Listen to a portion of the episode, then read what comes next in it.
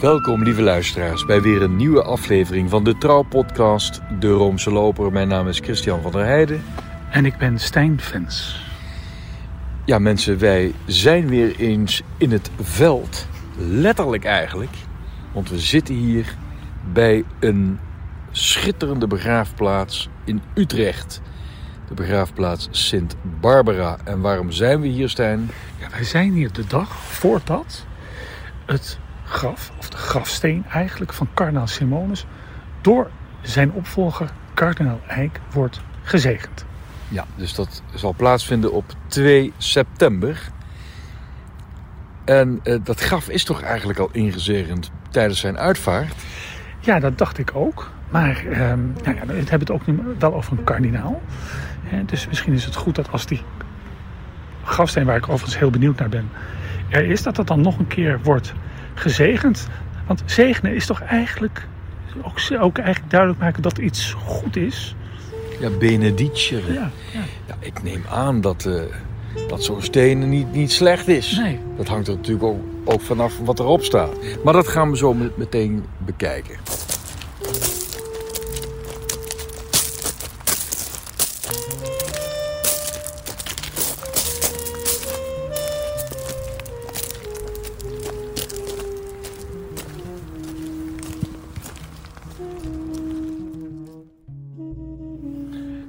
Ken ik een aantal eh, begraafplaatsen, katholieke begraafplaatsen in Nederland die naar Sint Barbara vernoemd zijn.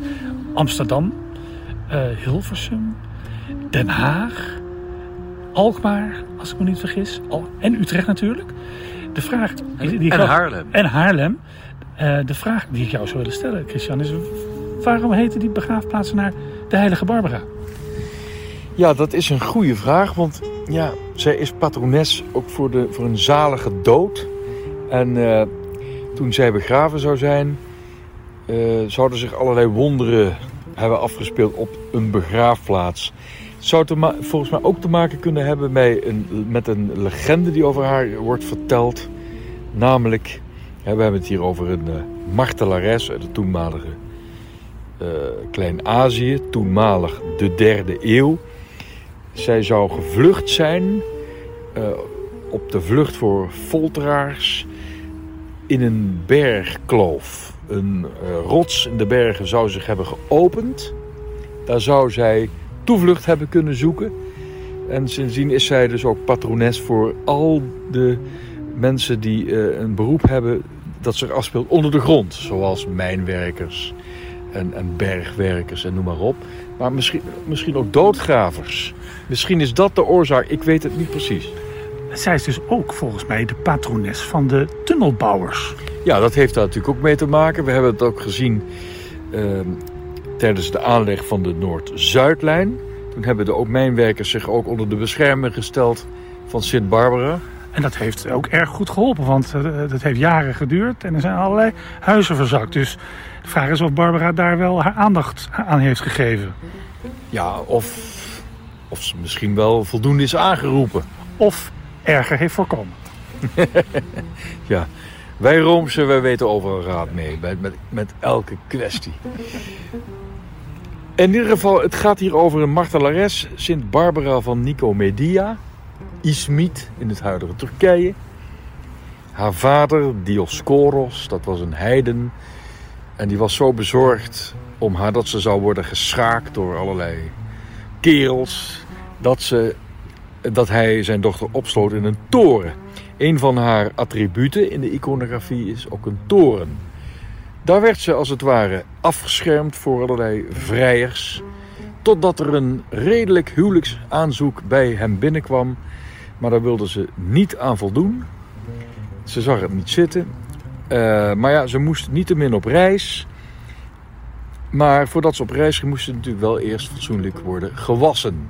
Dan had je in die tijd termen. Maar dat waren allemaal openbare gelegenheden. Dat was natuurlijk veel te min voor Barbara. Dus werd ze in, een, in een nieuw gebouwd badhuis gestopt waar ze zich kon reinigen.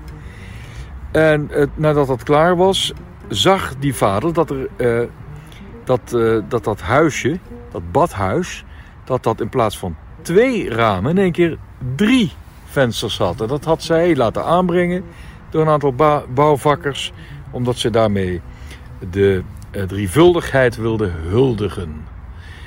Toen zei die vader, je bent toch geen christen? Ja, dat ben ik dus wel. Toen werd zij dus door haar eigen vader voor de rechter ge- gesleept. Ze werd gefolterd. Eh, Ze ontkwam en toen is ze door die bergkloof eh, in bescherming genomen. Wonderbaarlijke wijze, uiteraard. En eh, toen is ze door een herder die haar dan zag verraden. En de rechter heeft haar toen ter dood veroordeeld. En het vonnis moest worden voltrokken. We hebben het hier over onthoofding. Door haar eigen vader. Die deed dat. En werd vervolgens door de hemel met de bliksem dodelijk getroffen. En daarom is zij ook patroonheilige voor eh, de artillerie. Dat heeft ook te maken met eh, vuurflitsen. Eh, en eigenlijk met alle beroepen die iets te maken hebben met brand en vuur en onverwachte natuurlijke dingen. We hebben heel veel boeren in de middeleeuwen stelden zich ook eh, ehm, onder bescherming van, de van Barbara in de hoop dat ze niet door, een, door, door de bliksem zouden worden getroffen terwijl ze op het land stonden. En daarom zijn wij dus op een katholieke begraafplaats die Barbara heet. En, eh, ik moet dan ook toch meteen denken aan de begrafenis, aan de begraafplaats Sint Barbara in Amsterdam. Want daar ligt, daar ligt ergens nog liggen in die bomen resten van mijn grootvader, die daar nog voor de Tweede Wereldoorlog is begraven. En ook mijn vader had de intentie om daar begraven te worden. Dus hij heeft daar een graf besteld. En toen is op een zondag toch maar eens gaan kijken waar hij dan eigenlijk terecht zou komen. En toen bleek dat hij eh, tussen Sam Klepper, nou, vermaarde crimineel, en een Armeense eh maffiabaas terecht zou komen. En toen sprak mijn vader de gedenkwaardige woorden: Ik wil wel naar de onderwereld, maar niet naar deze onderwereld.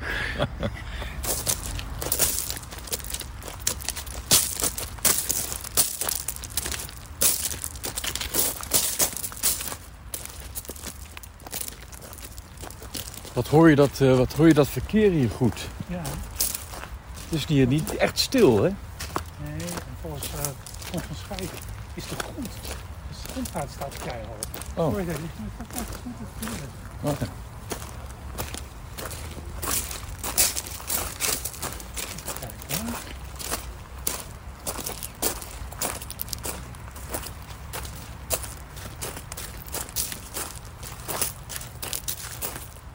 Stijn, is dit een, eh, een exclusief katholieke begraafplaats? Ja, het is van oudsher een katholieke begraafplaats.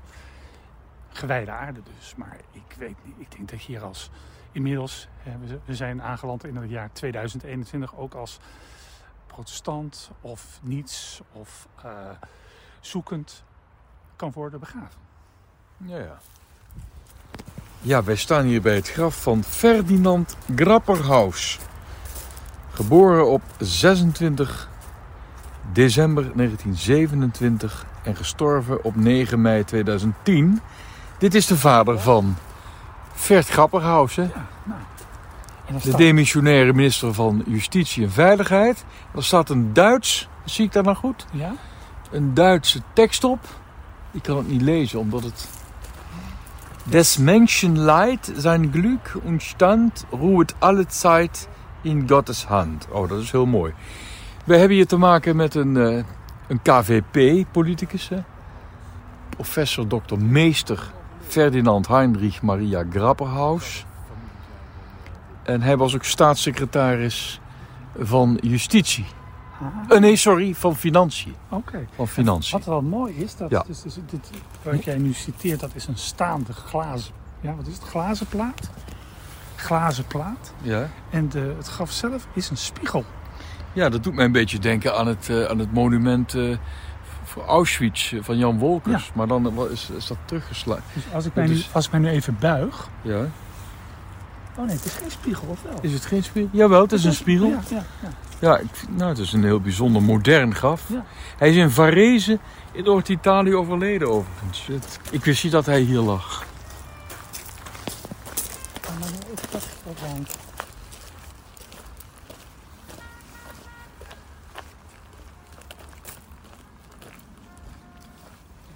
En dan hebben we hier eh, het graf van Jacques Klok. En Jacques Klok was de oud-econoom van het aartsbisdom Utrecht. Ja, indrukwekkende man. Indrukwekkende man. Ja. Ja. ja. Gestorven op 25 april 2019. Ik zie hier geen eh, liggende steen, maar wel een prachtige monoliet aan de hoofdzijde.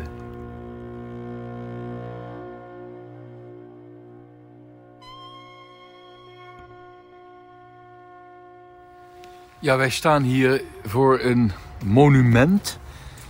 Ik kijk nu naar een eh, mozaïek. En ik herken het gezicht van deze bisschop van oude foto's, want we hebben het hier over Monseigneur van de Wetering, aartsbisschop van Utrecht van 1895 tot 1929. Dat is wel een groot monument, hè? Ja, en eh, het is dus de man die, die tijdens zijn pontificaat, eh, ik geloof 150 kerken heeft laten bouwen. En ik weet nog wel dat eh, ik een keer kardinaal Eijk interviewde en die, zijn portret hangt ook in het aartsbisschoppelijk paleis. En dan komt, hij, komt Eijk elke keer langs. En dan ziet hij dus het, gezicht van de man die zoveel kerken heeft laten bouwen en waarschijnlijk ook gewijd. En ik denk dat ik, ja, dat waren nog eens andere tijden. Want ja, kardinaal Eijk moet het een na de andere besluit ondertekenen om een kerk aan de eredienst te onttrekken. Ze moet ik eerst huilen. Dag mevrouw. Ik zie dat u een, eh, met een mooie poes op schoot zit. Ja. Ro- Roodkleurig. Het doet me denken aan Sylvia Christel, die ligt hier ook begraven. Die ligt hier ook, ja. ja. Maar is die van u? Nee, nee, die loopt hier rond. En ik noem het, eh, ik noem het maar de troostpoes. Dus die is hier altijd? Ja, die is hier altijd. En Ja. eh, als ik eh, zit en eh, ik ben een beetje verdrietig, dan heb ik altijd het idee dat hij dan even komt, troost komt brengen. Ja. Misschien komt hij gewoon voor iets anders, om lekker gekoeld te worden. Maar Mag ik vragen waarom dat u hier komt? nou, mijn broer ligt hier. Ah, Ja. gecondoleerd. Dank je. Ja. Ja. En zo te zien voelt hij zich... is het een kater of een... Laat eens even zien. ja. dat wil hij niet. Kan je ook Ja. praten? Kan je ook praten? poes? Luisteraars, ik had u heel graag het uh, gemiauw willen laten horen, maar hij Oh, is... Moet ik knijpen dan? Ja, nee, we gaan hem niet knijpen. Nee, ja. nee. Ik weet niet wat je dan Ja. doet. Dankjewel. Ja, u, u, is een, trouwens, we zitten hier vlakbij het, eh, het mozaïek van eh aartsbisschop van de Wetering. Ja, Weet u wie dat mozaïek heeft gemaakt? ik heb het net gehoord. Charles Eyck. Wat weet u dat goed? Ja, goed hè. Ja. Ja. als echte Utrechter moet je dat een beetje Ja, je uiteraard. Ja. klassiekers kennen. Hè? Ja, Ja. nou en of. Ja, Ja. En weet je wie hier ook ligt? Nee, Simonus. Simonus. Ja, echt, daarvoor zijn we eigenlijk Oh, hier. zijn ja. hier. Oh ja. En, en Dick Bruna toch? Ja, ligt hier ook, ja. waar, waar ligt Dick Bruna Dick eigenlijk? Bruna die ligt daar achter dat hegje. Ja? Zie je de Japanse anemonen? Ja? Nou, daar ligt hij met een hele simpele steen. Met- Zoals in de stijl als hij tekende. En hij heeft een soort tuintje ervoor. Nou, dan gaan we daar ook even Ja. naar kijken. Nog één vraag Ja. stellen. Ja? Mevrouw, komt u hier later ook eh, te liggen? Nou, ik denk het niet. Nee? Nee. Ik denk dat iedereen wil dat ik gewoon opgeruimd word. Op Nou, wij niet hoor. Nee. Mag ik u verder nog een hele fijne middag toewensen en avond? ook, Ja, Erg leuk, ja. En eh, nogmaals sterkte. hè? ja dank je. Ah, het is een fijn plekje. Dit is een plek. Ja. Ja, en ik woon er vlakbij.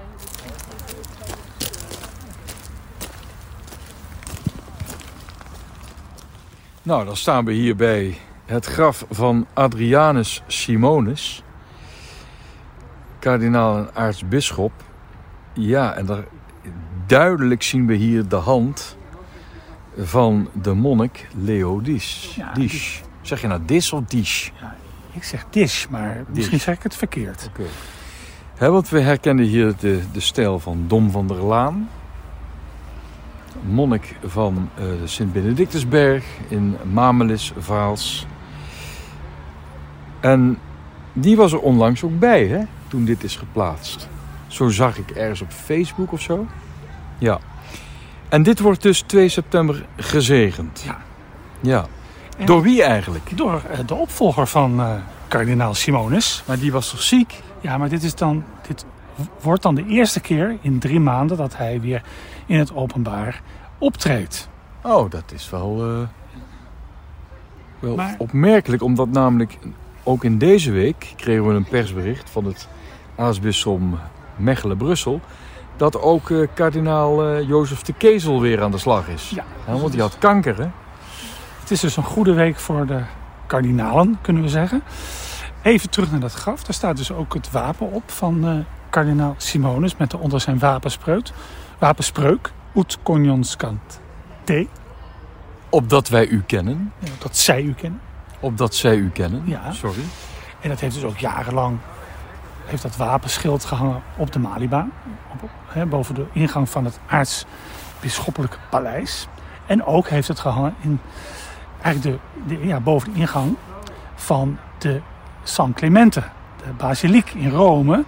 Waar kardinaal Simonus eh, De titularis de was. titularis van was. En wie is dat nu trouwens? Volgens mij is hij nog niet. Is je nog vakant? Hij is nog vakant. We moeten het toch even opzoeken. Hey, het, het verhaal gaat dat de Heilige Vader eh, dit najaar nieuwe kardinalen gaat creëren. En dan kan een, hè, zo'n kerk komt dan weer beschikbaar. Ja, En dan kan dus een nieuwe kardinaal die kerk als eh, titelkerk krijgen. want er zijn toch eigenlijk voldoende electoren? Ja, maar met name het, eh, volgens mij het jaar 2023 of 2024, daar wil ik even vanaf zijn, vindt er een slachting plaats onder de kardinalen. eh, wat betreft hun deelname aan een eventueel conclave. Ja. Dan bereiken gel- geloof ik 13 eh, kardinalen de eh, leeftijd van 80 jaar. En, die slachting die, die wil hij dus tijdig voor zijn. Ja. We gaan even naar het andere graf van een heel andere stijl. Dat ligt er eh, diagonaal naast, zullen we maar zeggen. En dat is van Jan de Jong. Aartsbisschop van Utrecht. Toch eigenlijk wel de, de voorman van het katholieke verzet tegen het nazi-bewind in Nederland. Eh, dat is een ontzettend groot grafsteen.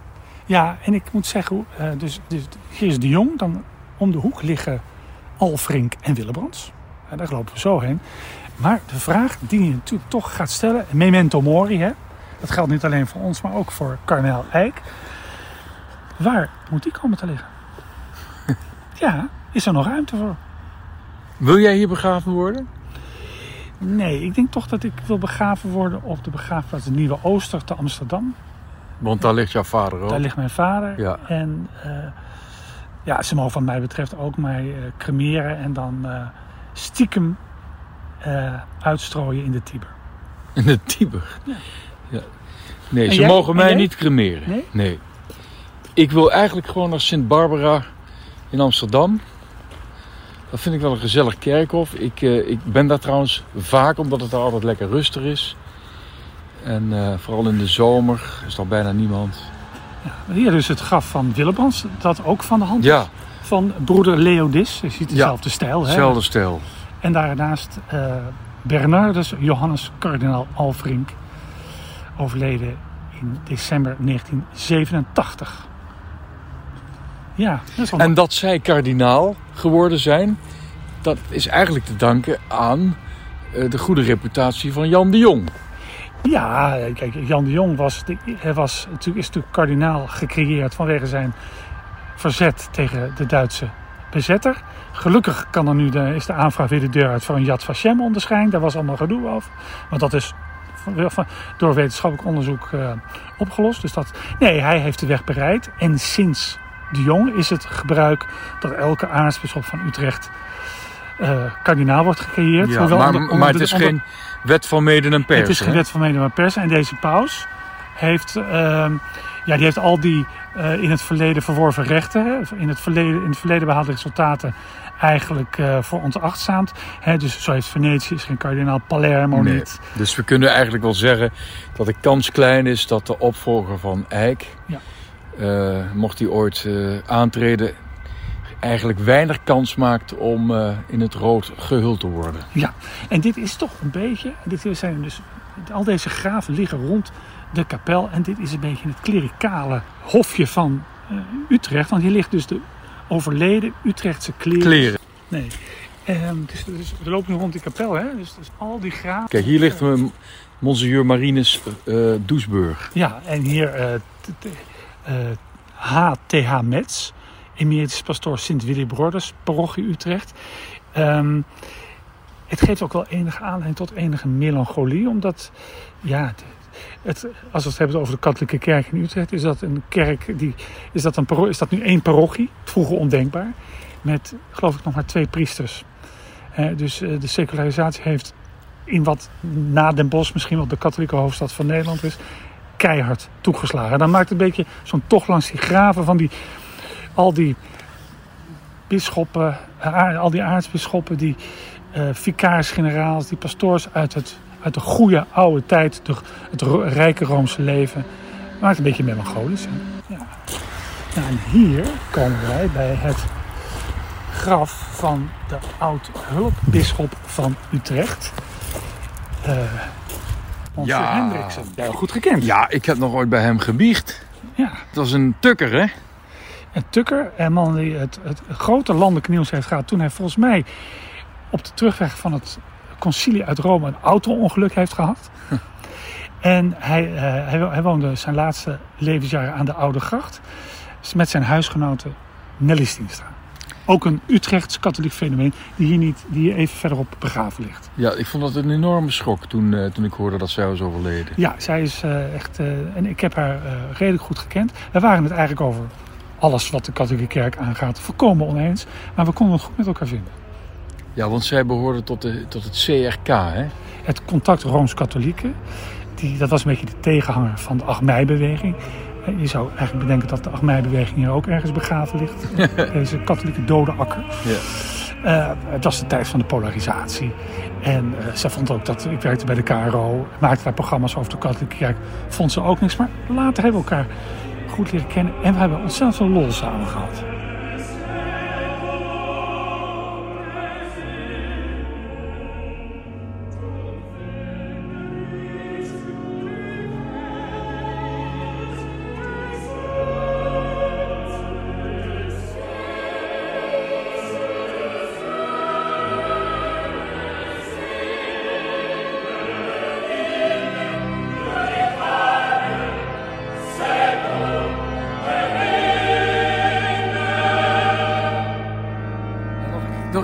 Even nog één ding over dat monument voor eh aartsbisschop van de Wetering. Hij was, hij was geen kardinaal, maar hij heeft wel het, het grootste graf.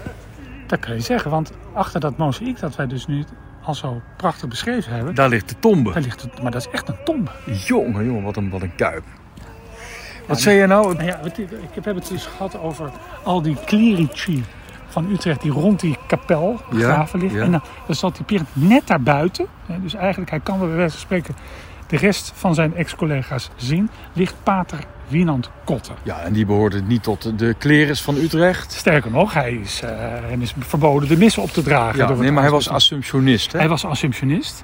Een soort Augustijner eh, congregatie. Een man die zich eigenlijk altijd wild heeft geërgerd aan alle vernielingen in de Rooms-Katholieke Kerk. Ja. Hij, zijn thuis was de Willy Borderskerk. En er staat ook op zijn graf. Hij behield de sint willy Ja, dat is natuurlijk een schitterende kerk in het centrum van Utrecht. Die hij eh, op een gegeven moment zelfs gekocht heeft. Hij eh, trok zich ook niks aan van de eh, liturgische vernieuwingen van het Tweede Vaticaans Concilie. Bleef, bleef daar gewoon de Tridentijnse mis opdragen. Tot grote ergernis van het aartsbisdom Utrecht. En die heeft hem dus geschorst. Hij mocht helemaal niks meer doen. In het lemma op Wikipedia staat dat het Vaticaan hem altijd in het gelijk heeft gesteld. Maar het was dus iemand die niet er net buiten viel. Maar iemand in Utrecht met een zekere aanhang. En ik weet nog goed dat ik een keer eh, in, het zal in het jaar 2000 zijn geweest, met mijn zoon wandelde door Utrecht op zondagochtend. En ik even een kerk in wilde. En daar ik ben de Willy Borders ingelopen. En daar begon net de Trinitijnse hoogmis. eh, waarin, eh, die werd opgedragen door Pater Koffie. Die kwam net binnen. En eh, hij kwam, hij zag mijn zoon, hij raakte mijn zoon even aan. Die begon toen keihard te huilen. Oh ja? Ja, eh, dat zal ik nog herinneren. En dus ik- we zijn er toch even achteraan gaan zitten. En het mooie was, tijdens het Eucharistisch gebed, dat dus helemaal in het Latijn ging. Hè, dus allemaal, ik, kan dat, ik weet dat niet uit mijn hoofd, maar toen kwam hij dus aan bij de overledene. Hè, dat zei hij ook in prachtig Latijn. Zei hij ons zijn voorgegaan, weet ik veel, weet ik veel. En toen, hoor, en toen hoorde ik hem nog zeggen, en in het bijzonder tante Ria en oom Gerard. Dat zal ik nooit vergeten. Trouwens, het is volgens mij de eerste keer dat ik op een grafsteen eh doctorandus zie staan. Ja. Pater doctorandus Wienand Kotte AA. Doctorandus. Ja. Wat is dat ook alweer? En er staat dus ook nog Jij op... bent ook dokter Randers, Ja, dat Komt dus dat op jouw grafsteen? Nee, absoluut niet. Ik, heb, eh, ik had een hele lieve tante die helaas nu overleden is. Die schreef me nog wel eens een brief of een kaart met Dr. Anders Stijnfans. Voor de Ja. rest, eh, Maar wat is maar dat toch staat ook in- op, Ja? en, dat is, en dat is iets wat je niet aan de universiteit kan behalen. Parel van Christus. Nou, dat is maar wel. Echt, eh, Over wie gaat dat? Over de overledene? Ja, Wie is hier Parel van Christus? dat het, ik vrees dat het over de overledene gaat. Maar ook met die, die titulatuur, hè? altijd van dokter Randers, monseigneur, monseigneur, dokter Randers. Ze zijn verzot op academische titulatuur. Maar dat hij in vrede mogen rusten. Daar gaan we vanuit. Geboren in 1922, gestorven te Utrecht 2006, Pater Ja, dat Kotter. vind ik wel mooi, want er staat dus op een heel normale, normale graven staat, nou ja, eh, geboren. Dat is dan altijd zo'n zon. Is dat zo'n sterretje? Hè? Sterretje? De ster van De Bethlehem. ster van Bethlehem. Dan staat er altijd een kruisje waar iemand overleden is. Ja. Bij hem staat dus ook een, een pri- priesterkelk. Ja, Hè, met zijn priesterwijding op. Even kijken. een kelk en een hostie. Eh, wat is het? Ja, dus de- 18 april, tweede, eh, 18 april 1948. ja, dus ster, kelk en kruis. Maar nu wel. Hier lopen. Wacht even. Ah, daar zit de troostpoes weer. De troostpoes rust op het graf van... Even kijken. Monseigneur, dokter. Heb je hem weer. Verhoeven. Ja, directeur van het... Directeur van het... Ik kan het niet meer lezen, Stijn. Want de poes zit in de weg. Oh.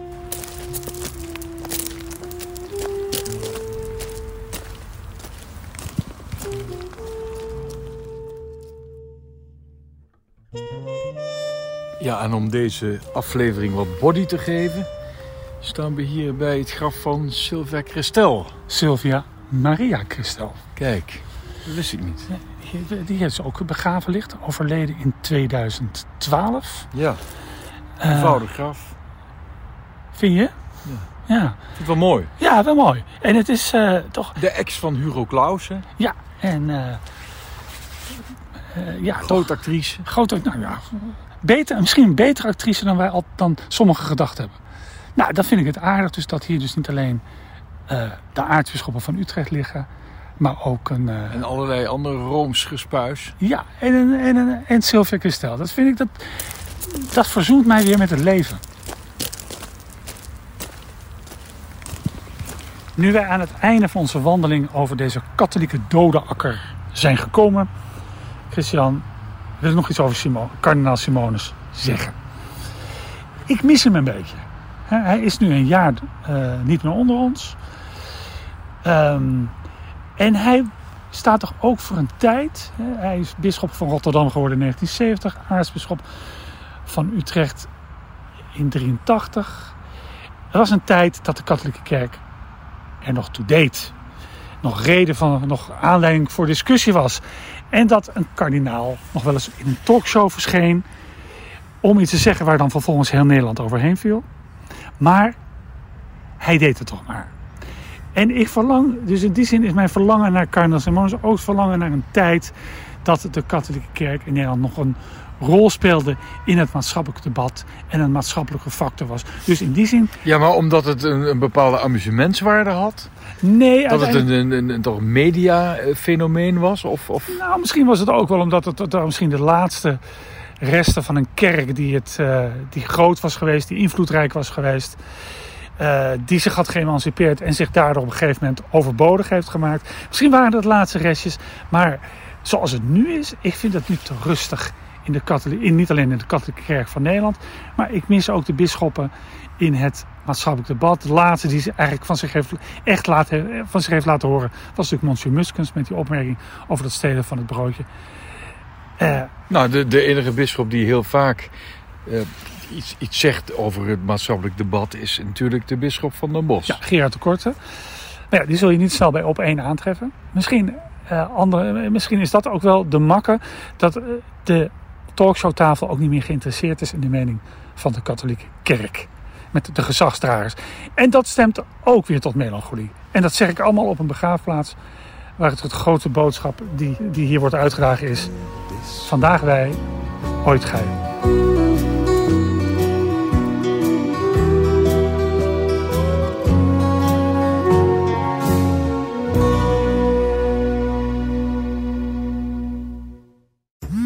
Worden dagelijks overladen met overbodige informatie. En het is moeilijk de zin van de onzin te scheiden. Daarom vertrouw ik op echte journalisten in plaats van meningen. Een krantenmens heeft het gemakkelijk. Word ook een krantenmens en lees je favoriete krant nu tot al zes weken gratis. Ga snel naar krant.nl. Bezorging stopt automatisch en op deze actie zijn actievoorwaarden van toepassing.